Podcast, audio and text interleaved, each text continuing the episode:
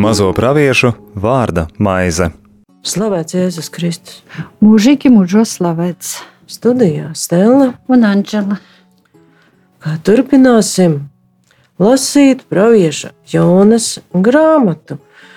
Šī grāmata visu laiku liek uzdot šos jautājumus, vai tā reāli tas bija, tagad jau mēs būsim tikuši līdz tam brīdim, kad Jona tiks iemests jūrā, jo pagājušajā reizē mēs aplūkojām šo situāciju, redzējām, ka uz šī kuģa ir dažādu tautību un ticību cilvēki. Visi lūdz katrs savu dievu, un ka tiek pielietota šī lozēšanas metode. Un Ruciņā arī ieskatījāmies tajā, ka tā bija ļoti pazīstama senajā pasaulē. Un tad nu ir jānosaka, kurš ir vainīgais. Un loze tiešām krīt uz Jānu.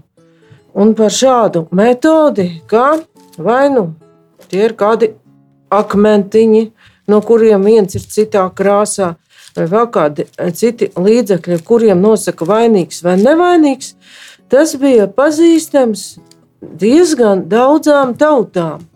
Un pat ir eh, ziņas, cik tās ir precīzas un ticamas, bet atsevišķos tādos eh, rakstu materiālos var atrast. Ir bijušas pazīstamas eh, šādas metodes pat mūsu senčiem Baltijā. Jo varbūt viens otrs ir dzirdējis par to stāstu par likteņa zirgu, un tad skatās, mm, vai vainīgs vai nevainīgs, ar kuru kāju tas zirgs kāps pāri zobenam, un atkarībā no kura kāja apzīmē vainu un kura kāja attaisno, tad cilvēks tiek vai nu notiesāts, vai atlaists brīvs. Tā kā tāda metode bija pazīstama, nu, lietoja to arī viduslaikos un pat sauca par dieva tiesu, un cik nu tur viss tiešām bija godīgi, negodīgi. Tas paliek visu to ziņā, kas tās lietoja, bet nu, pravieša Jonas gadījumā visa tā lieta ir ļoti skaidra un saprotama. Jo viņš jau arī ir pateicis kuģi cilvēkiem, ka viņš bēg no sava dieva, un bez tam tā laika dažādas kultūras, un tomēr viņas satikās. Cilvēki tirgojās savā starpā, nu, kā redzam, devās jūras braucienos, dažādu ticību cilvēki. Nereti bija tāda kā dievu konkurence, jo pat citu reliģiju cilvēki bija Ja, īpaši, ja tur vēl bija daudz dievība, tīri labprāt pieņēma savā panteonā vēl kādu dievu, ja viņš būtu izrādījies spēcīgāks un varenāks par viņa dieviem. Varam atcerēties, ka pat pirmkristiešu laikos Romas impērijā godināja ļoti daudzus un dažādus dievus, un visa tā raibā dievu saime pat savā starpā tīri labi satika, līdz kamēr nāca kristumticīgie, kuriem nu, dažādu dievu kompānijas un vēl imperatoru godināšana nebija pieņemama, kuri ticēja vienīgajam dievam un viņa dēlam. Tā kā tāda lieta bija visnotaļ pazīstama, un šajā gadījumā kuģa ļaudis jau tā sāk bīties Jonas dievu, ka viņš varētu izrādīties ļoti spēcīgs. Un viņš jau pats 9. pantā, vēl pirmā nodaļā, pasaka, es bīstos to kungu, debesu dievu, kas radījis jūru un sauszemi. Un redzam, ka no jauna kuģa ļaudis, jo ir vētra, viņi jau vienreiz ir kārtīgi izbijušies, un atkārtot jau tas tiek teikts, ārkārtīgi izbijās un jautāja viņam.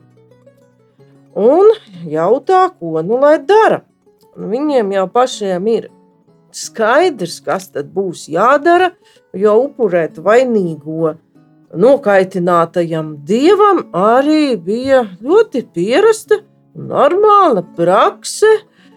Un šādi upurējot cilvēkus, gan lai dieva dusmas, jeb šo viņa sakaitināto hipostāzi nomierinātu, vai arī izlūgtos no dieva kā īpašu, kādu īpašu žēlastību, izglābšanu no ienaidniekiem, par ko es runāju iepriekšējā reizē, ka tie paši feniķieši, kuriem varēja piederēt šis kuģis un kuri bija airētāji, tādu praksi piekūp.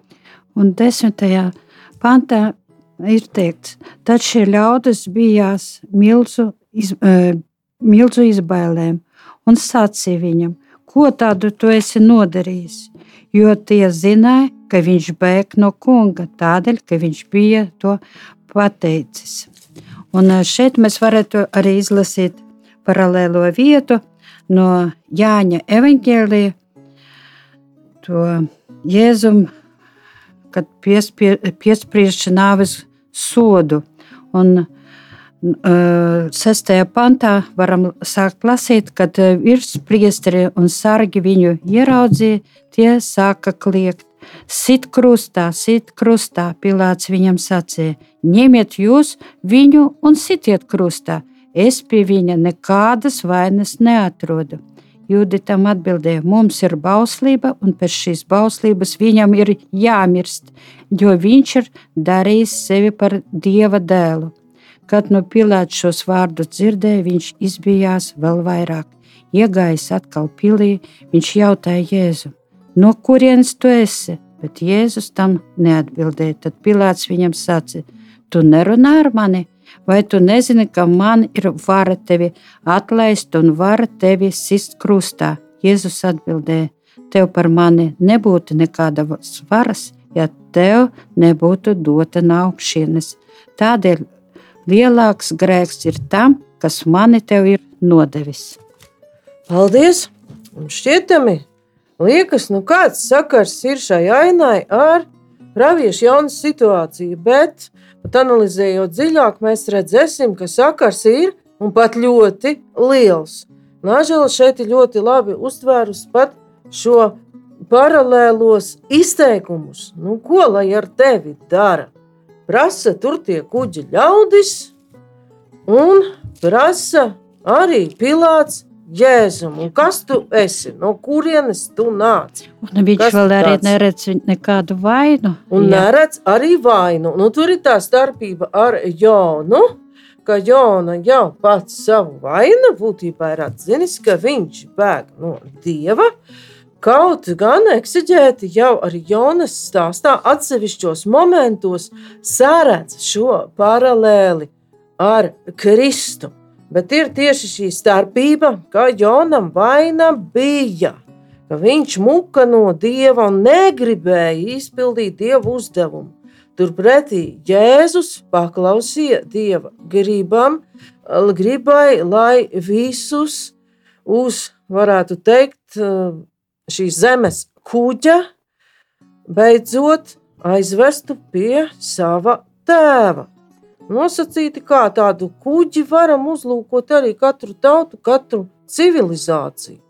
Nu, un Jēzus ir uz šīs senās pasaules, šīs civiliz romiešu civilizācijas kuģa, nu, un Pilārs ir viens no kuģa ļaudīm, vadošiem kuģa ļaudīm.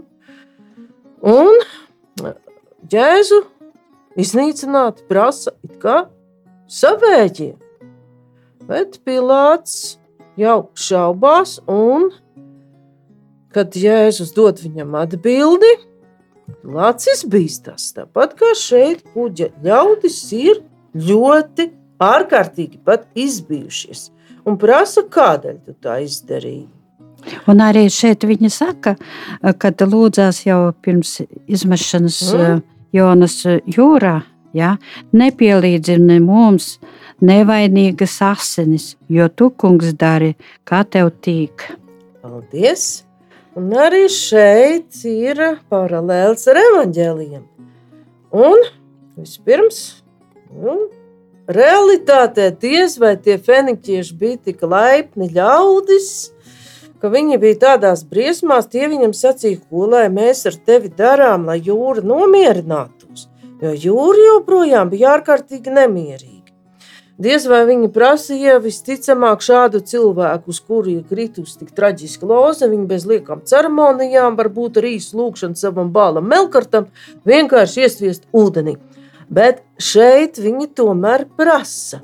Un svarīgi ir atbildi. Jauna pats saka, viņš atbildēja viņiem tā: ņemiet mani un iemetiet jūrā, tad tā kļūs rāma. Es zinu, ka manas vainas dēļ par jums sacēlusies šī vē, lielā vētra. Tad kuģa ļaudis visiem spēkiem airādam centās pagriezt kuģi tā, lai viņi drīzāk sasniegtu krastu, bet tas viņiem neizdevās, jo jūra bija sacēlusies un bangoja vētrā pāri viņu galvām.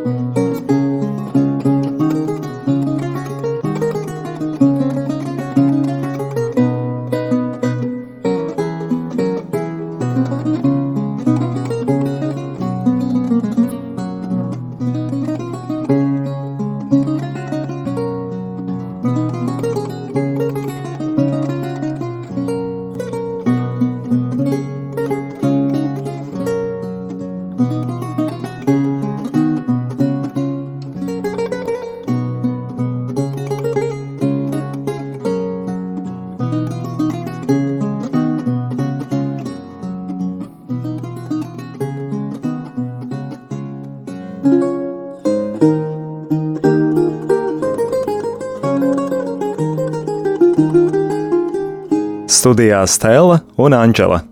Nu, te redzam, ka kuģa ļaudis ir parādīti tādi visai cilvēciski, ka viņi grib to kuģi pagriezt tā, nu, kad lai no tā jaunas tiktu vaļā, nu, vismaz izsēdinot viņu malā, viņi cenšas izvairīties no šī cilvēka upura, bet nekā. Un tad viņi saka, šo 14. pantā ir šie vārdi: piesauca to kungu.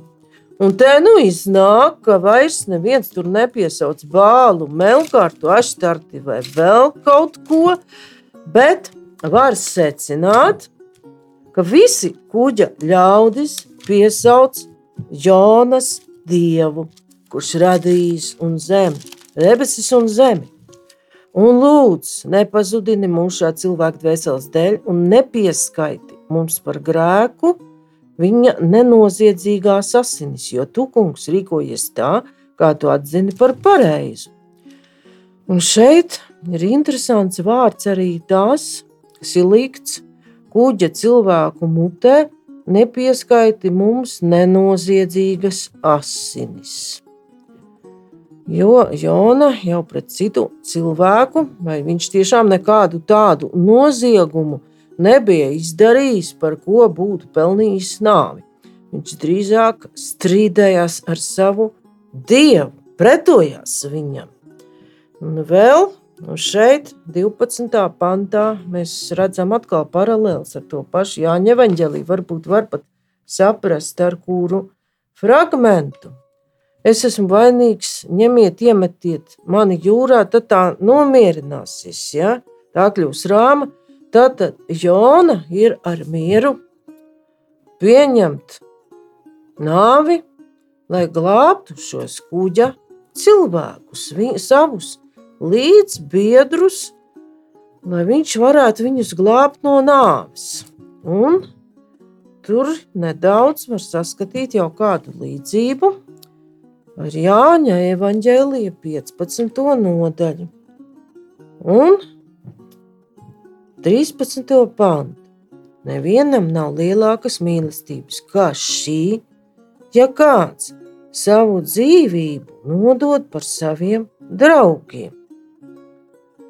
Un tā tad Jona, nonācis uz šī kuģa, bija gatavs atdot dzīvību par šiem saviem kuģa biedriem, jo apzinājās savu vainu. Kristus gadījumā, Kristus gadījumā viņš atdod savu dzīvību no brīvas gribas, kaut uz viņa nekādas vainas nav. Šeit arī mēs varētu izlasīt Pāvila vēstuli Efeziešiem pirmajā nodaļā, 9. pants.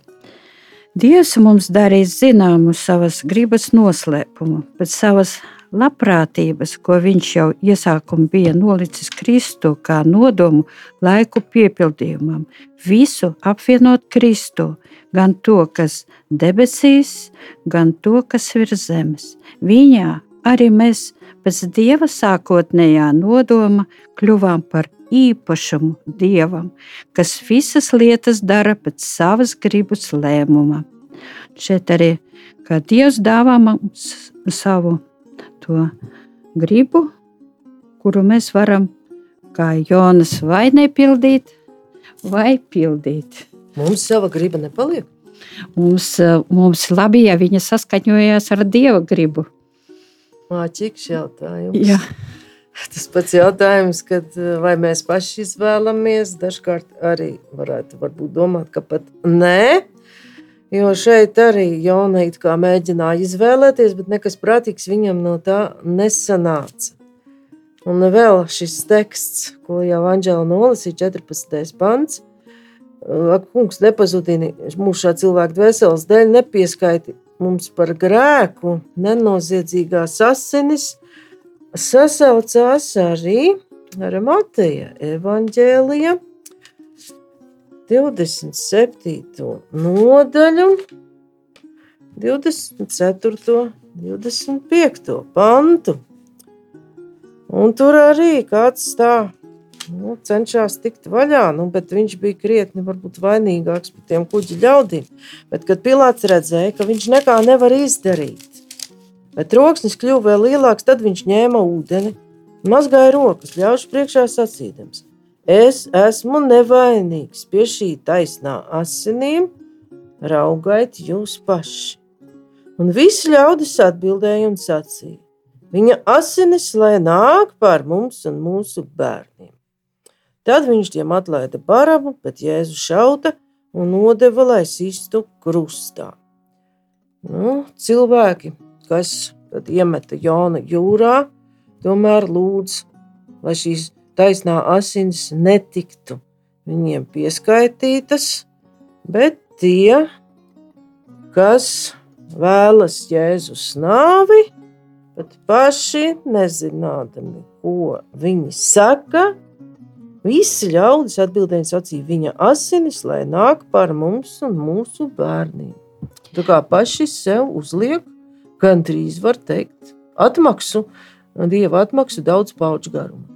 Un arī apakstuļa darbos, tur, kur Pāvils eh, kuģojot eh, cietā nu, avāriju, un to, to bija eh, ticis uz Maltas salu un izglābās kopā ar visu komandu. Te viņš jau uh, Iezīmieši izrādīja mums neparastu viesmīlību. Viņi iekura uguni, jo bija lietus un bija vēsu, un mūs visus uzņēma.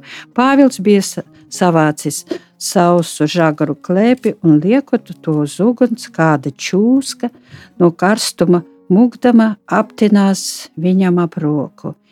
Iezemieši, ieraudzījuši čūsku, karējamies pie Pāvila rokas, savā starpā runāja: Patiesi, šis cilvēks ir slepkava, lai gan no jūras viņš ir izglābies, taisnības dieva viņam neļauj dzīvot.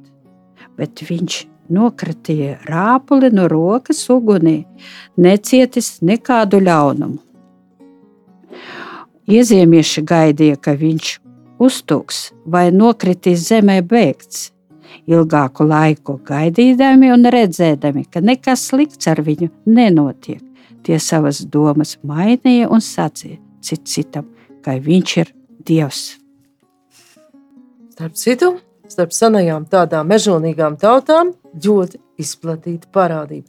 Ja ierodas kādas citas tautas pārstāvis, arī viņi šādi nu, teikt, notestēja, vai tas atnācējs ir no dieva vai sātana viņu izpratnē, un pēc kādām pazīmēm tomēr pieņem, nu, ka tas laikam tomēr būs dievība. Un šeit arī mēs var, var, varam Nu, redzēt, te ka tas- Dieva griba piepildīt. Nu, arī čūskas simbols. Tātad čūska arī šiem cilvēkiem, pie kuriem Pāvils bija, asociējās ar kādu ļaunumu, bīstamību. Un caur šo čūsku tika šiem cilvēkiem nodota liecība, ka Pāvils tiešām ir no varenāka dieva nekā viņa dievi. Jo acīm redzot, viņa dievi nebija spējīgi ar čūskām izraisīt cilvēkam tik labas sekas. Saskarsmē ar čūskām, kaut gan teksts nepasaka, vai tā čūska iekoda vai nē, Pāvils viņu nokritīja. Ja tur nav pateikts, ko tā čūska viņa darīja vai nedarīja. Nu, Ja, viņa, nu, viņš viņu nokritīja un nekāds viņai likums nebija iespējas No iekost. redzot, viņai nebija neiespējas ne vēlēšanās, Un- viņiem iekost. Kaut gan ar tādu citzemnieka uzskatīšanu par dieviem, nu, varētu teikt, ka arī savā ziņā vēsturē ir bijuši tādi gadījumi, ka citas tautas cilvēks uzskata par augstākām dievībām, kā tu, un bet to tie, kam ir jānes tiešām dieva vārds citām tautām, izmanto ļaunprātīgi.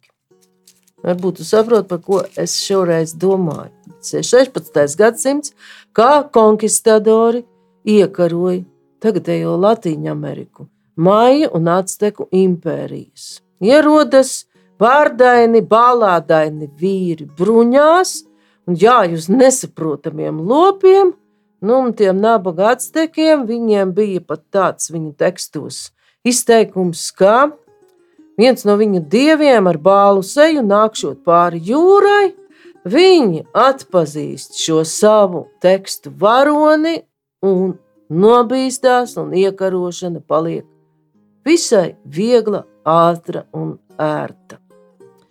Tā kā izmantoja šo faktoru, jo to spāņu iekarotāji atklāja ļoti ātri, ka uz šī mīta pamata no viņiem baidās un viņus pieskaita dievībai. Bet tā jau tālāk ir diezgan dramatiska vēsture. Bet pie Pāvila mēs redzam, ka iznākums ir labvēlīgs.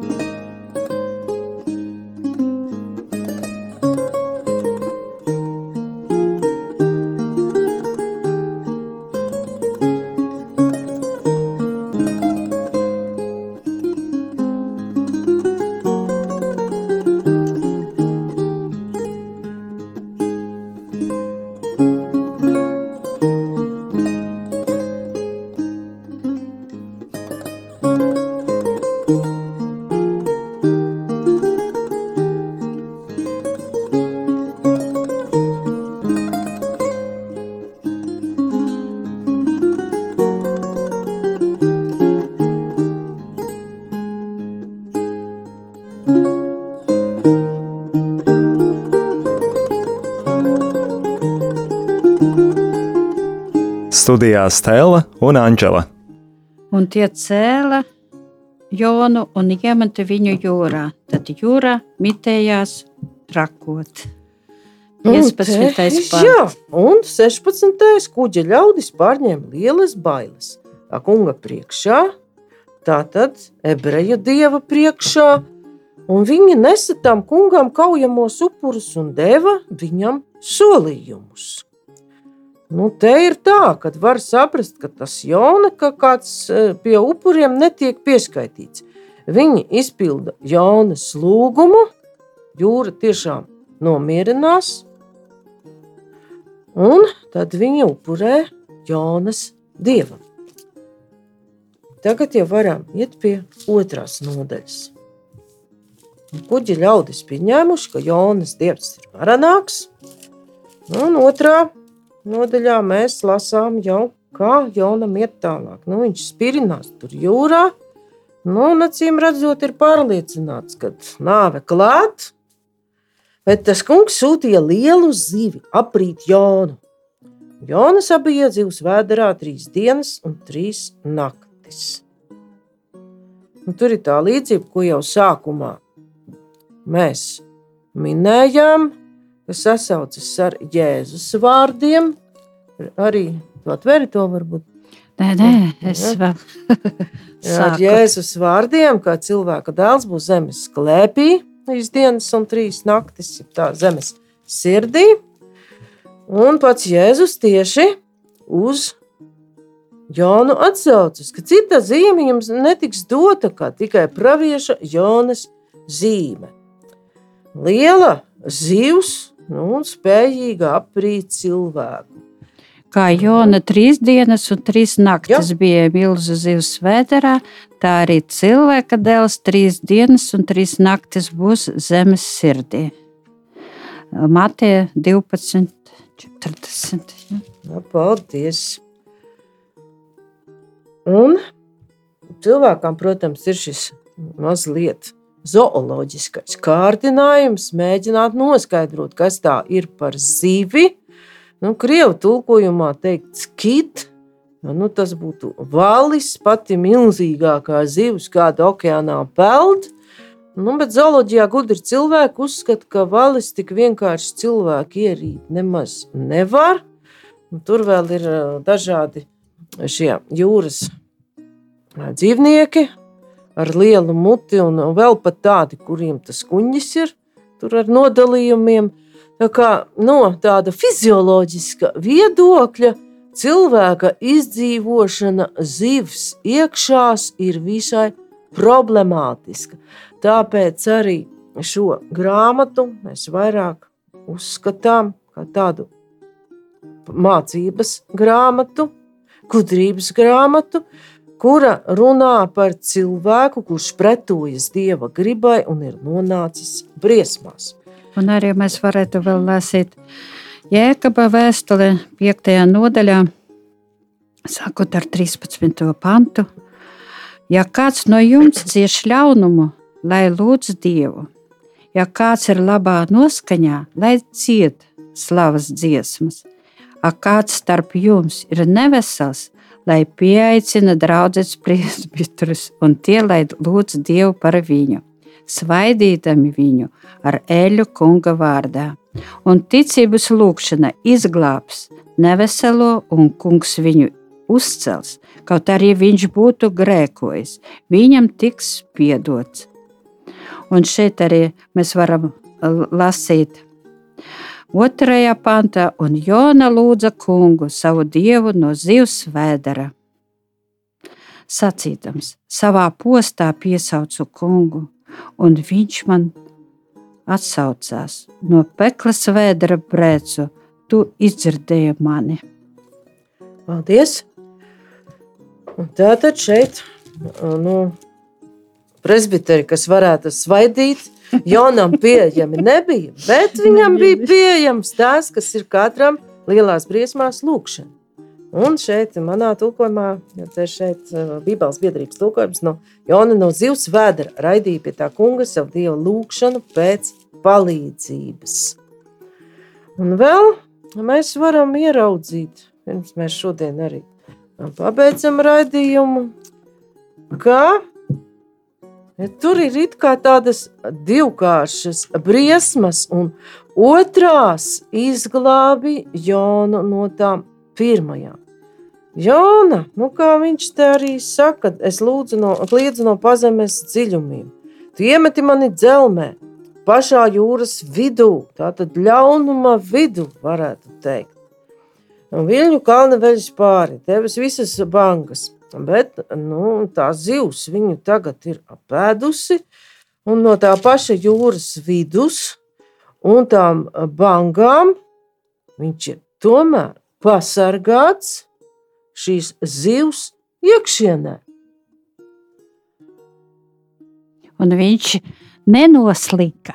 Nu, viņš nenoslīka. Un nu, tur bija klāts zivs lielā, lai un, viņu paglābtu. Nu, zi, tieši tā, tā lielā zivs, tā nelaime viņu izglāba no noslīkšanas. Un dažkārt ir dzīvē.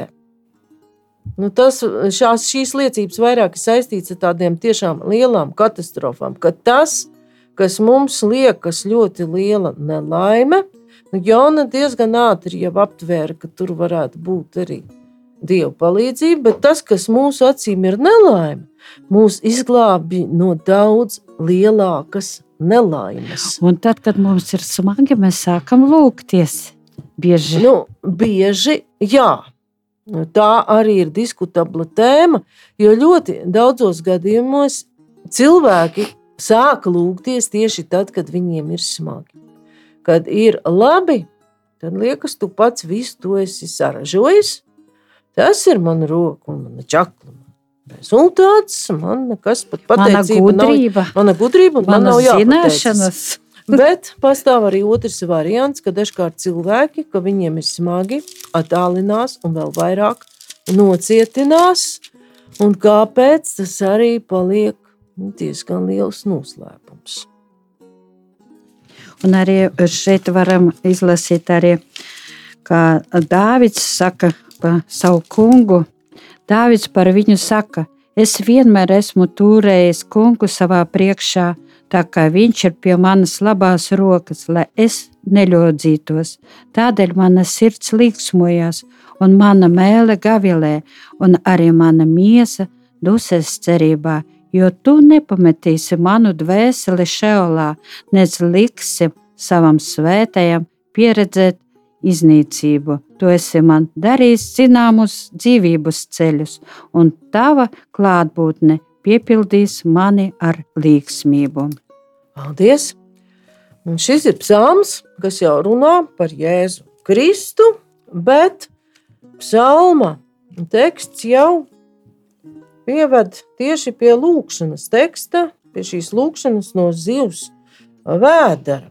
Nu, Dalasas semināra komentārs pat uzskata, ka Dievs varētu savā reizē pat dot tādus apstākļus, kas pārkāpj fizioloģijas likumus, nu, kad mēs ne, varbūt tiešām tāda situācija arī bija. Kad Jona ceļojas kāda milzīga dzīvnieka vēderā, bet nu, tas lai paliek svētrakstītāja ziņā. Bet nākamo reizi mēs jau lasīsim šo Jonas lūgšanu, kas pēc savas formas tik tiešām ir kā psalma dziedājums, un viņš jau sauc pēc palīdzības, bet viņš jau saka, un viņš atbildēja man. Tātad Jona jau dzird, vai arī saprot no tā, ka viņš sēž zivs vēdā un tomēr nav beigts, ka kungs viņam jau atbild. Bet par to nākamajā reizē. Paldies par uzmanību! Studijā bija Stela un Anģela. Izskanēja raidījums Mazo praviešu vārda maize.